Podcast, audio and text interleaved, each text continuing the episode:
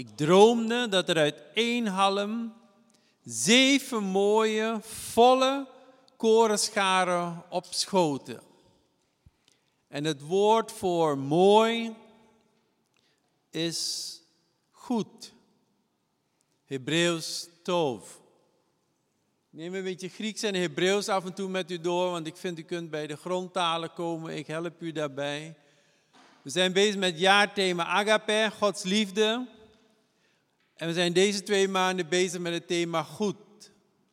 Agathe. En in het Hebreeuws tov. Tof. Goed. En het woord goed komt hier in dit visioen, in deze droom voor. En mijn vraag aan u is, waar staat u? In het goede van het leven en in het slechte van het leven. Even later droomde ik dat er uit één halm zeven mooie volle korenaren opschoten. Er kwam iets goeds, fantastisch, overvloedig. Ons leven kan je je voorstellen als een lijn. En ik weet niet, sommigen van u hebben die oefening wel eens gedaan, dat je je levenslijn even moet schetsen, moet tekenen. En dan geef je aan waar de goede momenten zijn, waar de minder goede momenten zijn. En zo kan je eigenlijk terugziende kijken van hoe je leven was. Ik heb nog geen workshop gezien die dan vooruit kijkt van nou als het zo ging, dan gaat het zo verder. Misschien komt die ooit nog. Maar ik realiseerde me dat het soms niet gaat om hoe die levenslijn loopt. Soms gaat het erom hoe jouw perspectief is op het moment van die levenslijn. Want als je een opgaande levenslijn hebt, kan jouw perspectief zijn van hé, hey, ik ga helemaal zoef to the sky. En je weet dat er weer een down gaat, maar jouw mentaliteit is ik ga die kant op. En als je naar beneden gaat, dan weet je eigenlijk er komt weer een opgang, maar het kan zijn dat jij daar beneden mentaal steeds verder wegzakt. En het heeft niks te maken met hoe je levenslijn loopt, maar hoe jij denkt op dat moment. En ik realiseerde me dat het soms niet eens te maken heeft met je omgeving. Je kan een fantastisch goede omgeving om je heen hebben en toch gaat er iets verkeerds. Of je kan een hele slechte omgeving om je heen hebben en toch gaat er iets fantastisch. Ik weet niet of u het beeld van die lotusbloem kent. De lotusbloem die, die groeit in brakwa, in ja, modderig, lelijk, niet mooi water, maar wordt wel mooi. Dus die omstandigheden waarin u zich verkeert, betekent niks van of u goed bent of niet goed, of u er goed uitkomt of niet goed uitkomt. Door Gods genade kunt u fantastisch groeien. Ik heb u meegenomen bij deze tekst van die droom naar de droom van de farao in Egypte. En het is een moment in het leven van Jozef, en u kent het leven van Jozef waarschijnlijk. Jozef had een fantastische toekomst voor zich. Die droomde dit, die droomde dat en die wist, ik ga het maken. 17 jaar, ik ga het maken. Maar voordat hij zover kwam, was hij in de put gegooid, was hij als slaaf verkocht, was hij opgeklommen tot een hoge positie, was hij verkeerd beschuldigd, belandde hij in de gevangenis. Hij had dromen geïnterpreteerd en zei tegen degene die hij had geholpen: hey, denk aan mij als je weer naast de farao staat. En die man had nooit meer aan hem gedacht. Totdat de farao een droom kreeg, twee dromen zelfs, waar hij niet uitkwam. En ik neem u even mee naar die droom, want eerst droomde Farao van die volle korenaren, die mooie, goede dingen. En daarna kwamen er weer zeven aren op, die waren dor en iel en door de oostenwind verschroeid. Er kunnen dingen in uw leven komen die niet fijn zijn. Maar dan gebeurt iets dramatisch. En die arme tierige korenaren verslonden de zeven mooie aren. Dus het gaat goed met u, Maar er komt iets dat eigenlijk het goede helemaal opslokt en het goede dat er was is helemaal weg. Ik hoop niet dat u in zo'n situatie verkeert, maar ik wil u meegeven dat het slechte niet blijft en niet zal blijven overwinnen. Maar ik wil u wel meegeven dat sommigen van ons niet realistisch in het leven staan. Dat we denken, het leven zal altijd op dat niveau zijn. En als we hier zijn, dan heeft de Heer mij verlaten. Dat, dat, dat heeft niks mee te maken. Ons leven kent ups en downs. En de vraag is, hoe gaan wij om met de Heer in welke omstandigheid dan ook? Is het niet fantastisch om iemand te kennen die, maakt niet uit in welke omstandigheid hij of zij verkeert, een rotsvast geloof heeft in de Heer? Een gemeentelid is eh, iemand aan het begeleiden die eigenlijk in haar laatste dagen van het leven staat. En we waren gisteren even bij dat gemeentelid om haar te versterken, maar ze zegt, weet je, het is zo'n fijne tijd, het is zo'n speciale tijd. Er gebeuren gewoon wonderen daar, daar is gewoon de liefde van de Heer. En ze vertelde, ik mocht iemand tot de Heer leiden eergisteren. En ze vertelde ook van, weet je, die tante die nu op sterven ligt, ik kon alles met haar bespreken. Ik weet niet of u iemand heeft waarmee u alles kan bespreken. Technisch is het zo dat u alles met mij kan bespreken. Technisch. Praktisch zie ik dat een heleboel mensen dat niet doen. Maar technisch, een pastor is iemand met wie je alles kan bespreken. Dan weet u dat. Als mijn agenda volloopt en overloopt, dan zal ik het wel zeggen. Maar voorlopig is er nog ruimte. Maar ik hoop dat u iemand in uw leven hebt waar u alles mee kan bespreken. Ik wil u uitnodigen om dat sowieso naar de Heer toe te doen.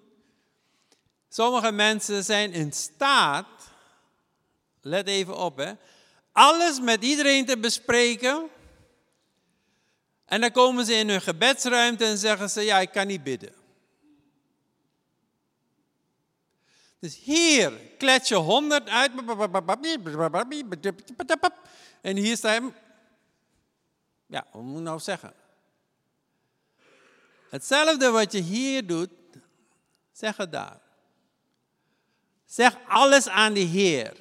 En als je een antwoord wil, ik ga je drie manieren geven. Zorg dat uw Bijbel open ligt als u gaat bidden, want de Heer spreekt terug. Dat is één. Zorg dat u uw Bijbel kent. Want de Heer spreekt op een andere manier terug, dat u bezig bent om te bidden. En als u even de tijd neemt om stil te zijn voor de Heer, dan geeft hij een tekst. Of hij laat u iets zien. Of in de loop van de dag belt iemand of appt iemand. Er zit hier iemand. En deze week had ik het een beetje moeilijk met mezelf. Niet met anderen, maar met mezelf.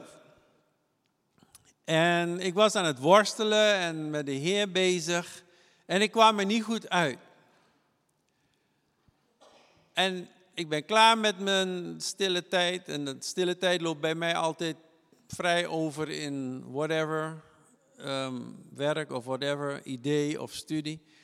En ik kreeg een app binnen en de app was eigenlijk een antwoord op het gebed wat ik naar de Heer toe had gebeden. Toen dacht ik, wauw, oké.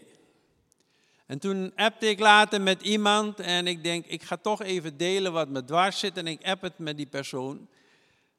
Ergens heel, op een heel andere plek in de wereld. En die app terug, bam. En die twee appjes die kwamen bijna naadloos overeen.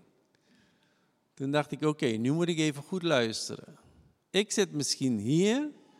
Mijn denken gaat misschien verder naar beneden, richting hopeloos, maar de Heer geeft mij een ander perspectief.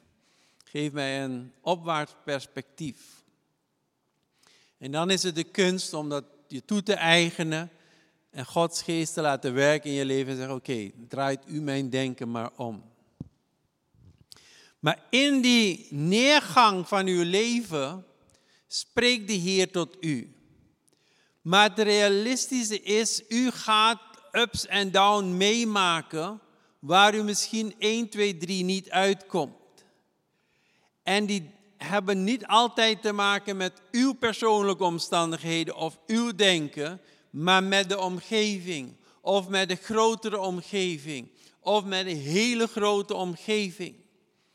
Het is een heel lang stuk, dus ik zal het voor u samenvatten uit Genesis 41. De farao droomt. Hij droomt één droom, hij droomt een tweede droom. In de eerste droom zijn het zeven vette koeien die worden opgegeten door zeven magere koeien. En zeven mooie, goede korenaren die worden opgegeten door zeven magere. En al dat goede verdwijnt. En hij geeft het aan zijn wijzen, hij geeft het aan zijn magiërs. En hij zegt tegen ze, leg het me uit, maar niemand kan hem uitleggen. En dan herinnert degene die naast de koning staat, wacht even, ik zat in de gevangenis. En in de gevangenis is er iemand die mij heeft geholpen. Let op hoe het gaat, hè. Is er iemand die mij heeft geholpen, dus aangezien niemand hier kan helpen, misschien, farao, moeten we gaan kijken of die persoon kan helpen. U weet het misschien niet, maar u heeft ooit iemand geholpen. En omdat u ooit iemand hebt geholpen, komt er nog steeds liefde, zorg, komt er van alles naar u toe. Bewust of onbewust. Iemand vertelde in de gemeente van, ik heb jaren, meer dan tien jaar geleden, heb ik iemand geholpen toen die echt moeilijk zat. En tot op vandaag de dag klopt men op de deur en zegt, dit is voor jou. Eén keer heb je iemand goed geholpen en jaren, jaren, jaren vloeit die dankbaarheid verder. Het gaat mij nu om dat geestelijke. Want u bent allen, zo niet, zorg dat u het bent, in de Heer. En als u in de Heer bent, dan is Gods geest op u. En als Gods geest op u is, dan wil Gods geest door u heen werken naar anderen toe. Maar sommigen van ons houden onszelf tegen om een zegen te zijn voor anderen. Om een of andere reden of om duizend redenen, het maakt me niet uit. God zal zelf tot u spreken. Maar de Heer gaat en wil u gebruiken. Maar het is net als God toelaten in uw leven. U moet toestemming geven. Openbaringen 3 zegt, Jezus staat aan de deur en klopt. Als u open doet, komt Jezus binnen. Als u de deur dicht doet, komt hij niet binnen. Maar als de Heer binnen is, dan gaat hij verder aan het werk. En hij blijft keurig, hij blijft netjes, hij blijft aan u werken. En elke keer, ik had een keer een, ehm, een pastor, een begeleider.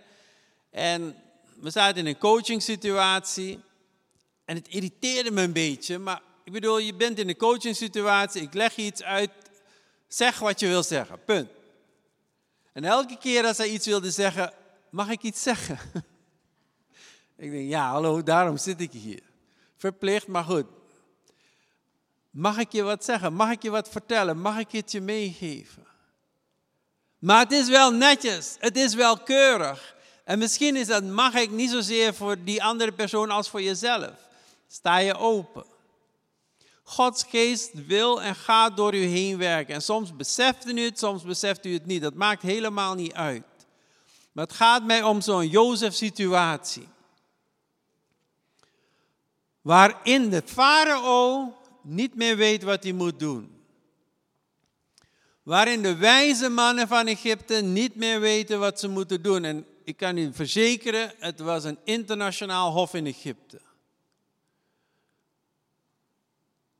En uiteindelijk komt iemand op het idee, laten we Jozef vragen. Sommige mensen zijn beledigd als ze de laatste zijn die om advies wordt gevraagd. U bent een Jozef als u de laatste bent om wie men advies komt vragen. Dus u heeft een bijzondere positie. En Jozef komt aan het hof. Hij wordt uit die gevangenis gehaald, hij wordt geschropt, hij wordt mooi gemaakt, hij wordt schoongemaakt en hij is dan aan het hof. En hij krijgt die dromen voorgeschoteld. Wat zou u doen met moeilijke situaties die u voorgeschoteld krijgt? Waarbij u misschien de laatste bent met wie ze durven en willen delen. Ik denk dat u een Jozef moet zijn. En een Jozef die weet van of ik nou daar zit of daar zit, de Heer is met mij. Of ik nou advies geef of geen advies geef, de Heer is met mij. En Jozef die legt de koning, de farao, precies uit. Er zijn zeven fantastische jaren en er komen zeven hele moeilijke jaren. En het feit dat u dat twee keer droomt, is dat God vastbesloten is om dit te laten gebeuren.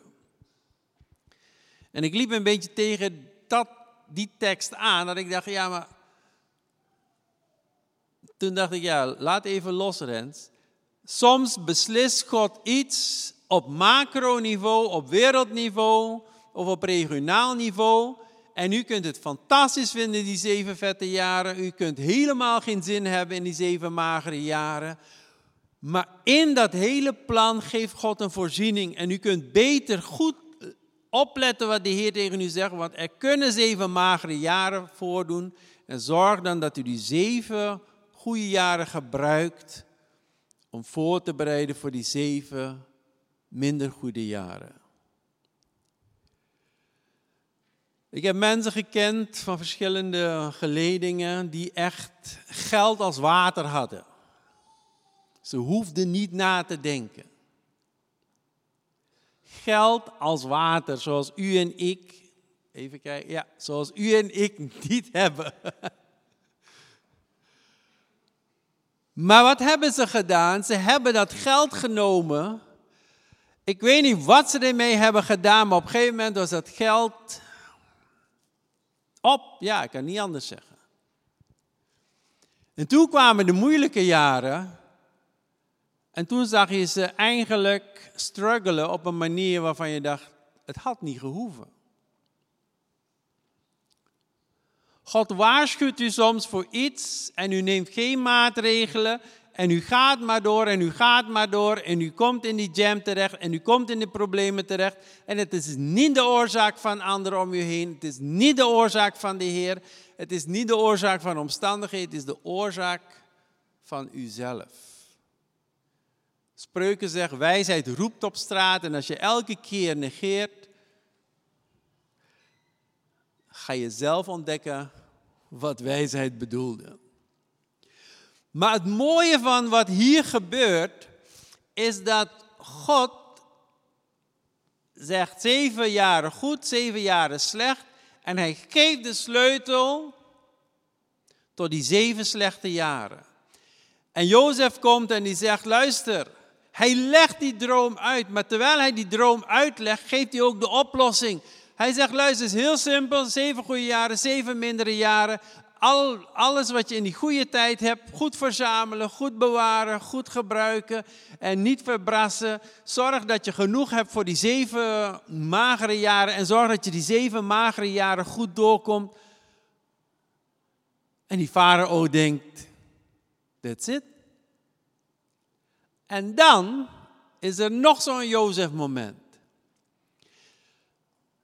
En de farao denkt van ja, en ik denk dat het een beetje geacteerd was of niet. En die farao die zegt, Zowel de farao, vers 37, Genesis 41, vers 37, zowel de farao als zijn dienaren vonden dit een goed voorstel. En dan zie je de farao spreken. Zouden wij ooit iemand kunnen vinden als deze. Iemand die zo vervuld is van Gods geest. En daar is uw Jozef moment. Of Jozefina, ik weet het niet. Dat u de oplossing bent voor het probleem. Terwijl u om zich heen kijkt, wie kan het doen? Wie gaat het doen? Ik kom net uit de gevangenis, hoe kan ik dat doen? De Heer heeft mij wijsheid gegeven om het uit te leggen. De Heer heeft mij wijsheid gegeven om het toe te passen en het plan te laten zien.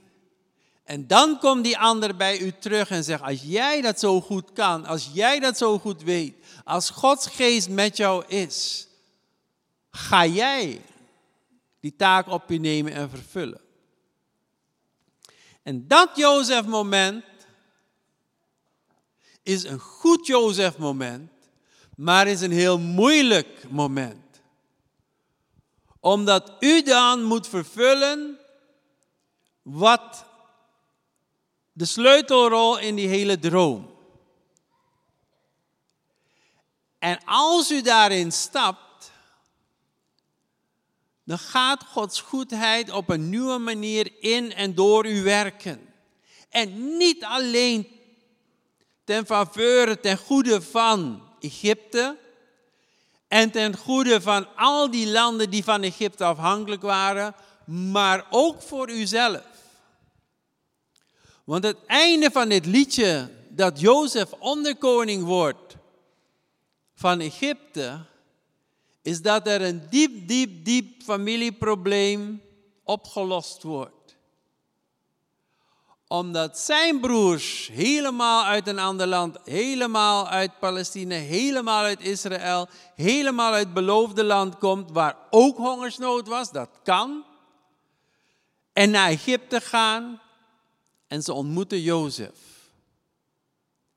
En Jozef testen en uiteindelijk zegt hij, jullie beseffen het niet, jullie snappen het niet. In een grabing maar God heeft dat gebruikt wat jullie ten negatieve voor mij bedoelden, ten goede. Niet alleen voor Farao, niet alleen voor Egypte, niet alleen voor de internationale betrekkingen, maar ook voor Israël, ook voor het beloofde land, ook voor mijn familie, ook voor mijn broers, ook voor jullie.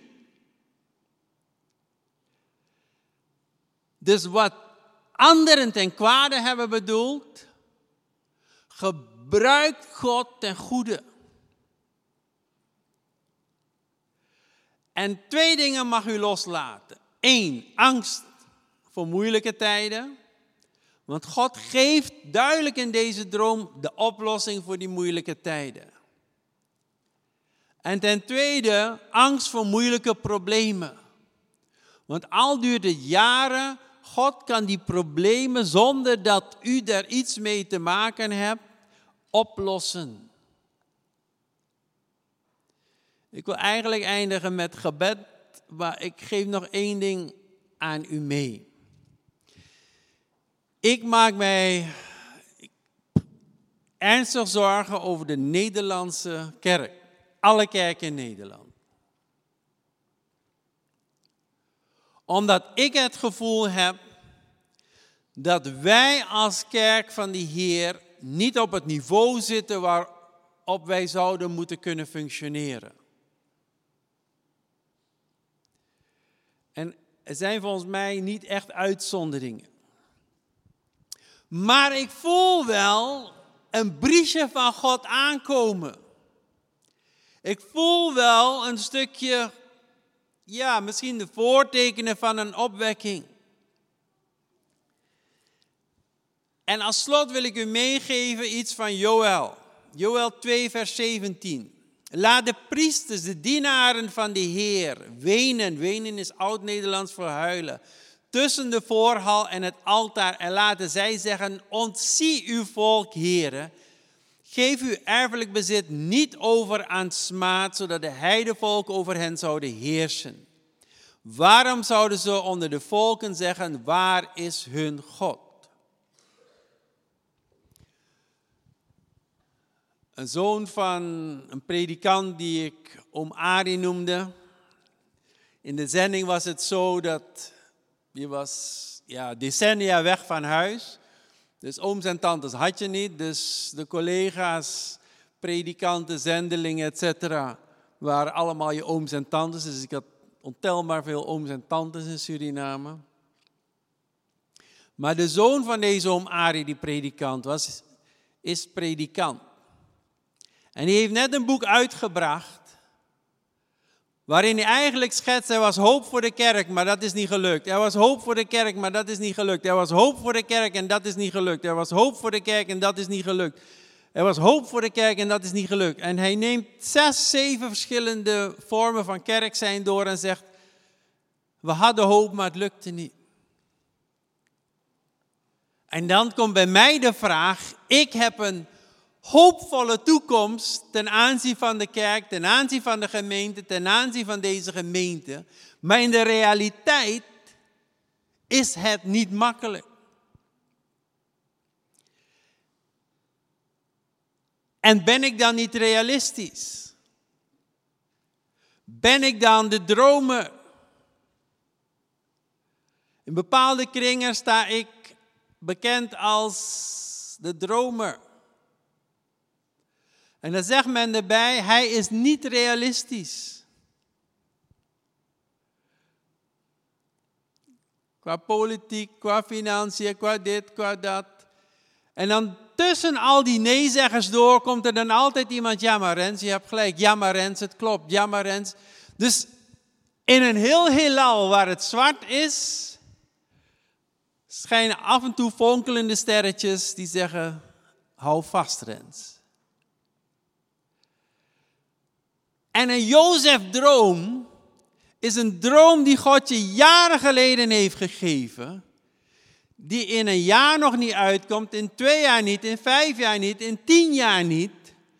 En u gaat, ik zeg het even heel plastisch, u gaat door een hel en u denkt, realistisch gezien zit ik hier in de gevangenis en er is geen toekomst voor mij. Hier ga ik eindigen in deze gevangenis in Egypte. Er is geen toekomst voor mij. Maar, maar, maar, wat zegt Jozef? God is good. All the time, God is good. Ik hoop dat u die een keertje onthoudt als u het moeilijk heeft. Jozef twijfelde niet aan de Heer. Hij twijfelde aan zijn broers. Hij twijfelde aan zijn omgeving. Hij twijfelde aan de mensen in het hof, maar hij twijfelde niet aan de Heer. En die droom die God gaf, kon Jozef zelf niet tot stand brengen. En wat is nou zo'n prachtig Jozef-moment? Sommigen zitten daar misschien in. Je hebt gedroomd, je hebt de onderkant meegemaakt en je staat daar ineens en drie dingen komen samen. Je gave om dromen te kunnen uitleggen. Je, je wijsheid om oplossingen te kunnen geven. En jouw beschikbaarheid om een positie in te nemen. En drie van die dingen hebben te maken met waar staat u naar de Heer toe? Bent u zo chagrijnig geworden in, in de gevangenis dat u niet te genieten bent en geestelijk niet te bereiken bent en geestelijk te beroerd bent om iets te doen? Heeft u uw gave om dromen te interpreteren losgelaten en zeggen van laat maar los? Heeft u uw wijsheid die u heeft, heeft u gezegd, nou weet je wat, deze Egyptenaren, ik heb zoveel ellende in dit land meegemaakt. Ik, pardon dat ik het zeg, donder maar op, ik ga jullie zeker geen wijsheid geven. Zeker niet gratis. En het derde is, ik ben zeker niet beschikbaar om jullie te helpen. Ik ben beschikbaar om iedereen te helpen behalve jullie. Ik ken iemand die zat zo diep in zijn haat richting Nederland, dat hij alles wilde doen behalve Nederland helpen. En God pelt iemand helemaal los daarvan om je dan tot zegen te laten zijn. Ik ga even sluiten en ik ga het even hard tegen u zeggen. Het maakt mij niet uit waar u bent, het maakt me niet uit wat u doet, het maakt me niet uit wie u bent. De lijn van uw leven is niet interessant. Hoe u denkt op bepaalde momenten is niet interessant. Hoe uw omgeving is, is niet interessant. Of u droomt van geweldige dingen of dat u in de put zit, is niet interessant. Wat interessant is, hoe is uw verhouding naar de Heer toe? Als die 100% open is, gaat u Jozef momenten meemaken. En het moment dat die dromen komen, zegt hij, oh, dat betekent dat. Het moment dat men advies zegt, oh, dat betekent dat. Het kost u geen moeite. Anderen kost het veel moeite, het kost u geen moeite. En als ze u vragen, zeggen ja, ik doe het. Zullen we gaan staan? Want velen van ons zijn nog niet klaar voor een Jozef-moment. Vader in de hemel, de wereld gaat op dit moment door bepaalde dingen die heel, heel, heel moeilijk zijn, die dreigend overkomen. Waarvan wij niet weten, houd een stukje zegen aan, houd een stukje vette jaren aan. Of zijn wij de weg kwijt, hier in Nederland, in het Midden-Oosten, in Europa, met artificial intelligence. Heer, er zijn dingen die boven ons uitgaan. En die dwingen ons nog eens te meer om op U te focussen. U, de schepper van hemel en aarde. U, de schepper van de mens. U die alle macht hebt in hemel en op aarde. En ik bid u, Heer, dat u hier een Jozef geloof laat bloeien en groeien in deze gemeente. Dat men misschien hier naartoe komt en zegt, dit is een soort Jozef gemeente. Waar mensen niet bang zijn voor omstandigheden. Niet bang zijn zelfs voor innerlijke onrust. Niet bang zijn, Heer, voor uiterlijke onrust. Niet bang zijn voor dichtbij of ver weg. Niet bang zijn of ze dromen of dat ze in de put zitten in de gevangenis. Niet bang zijn als ze verkeerd worden weggezet.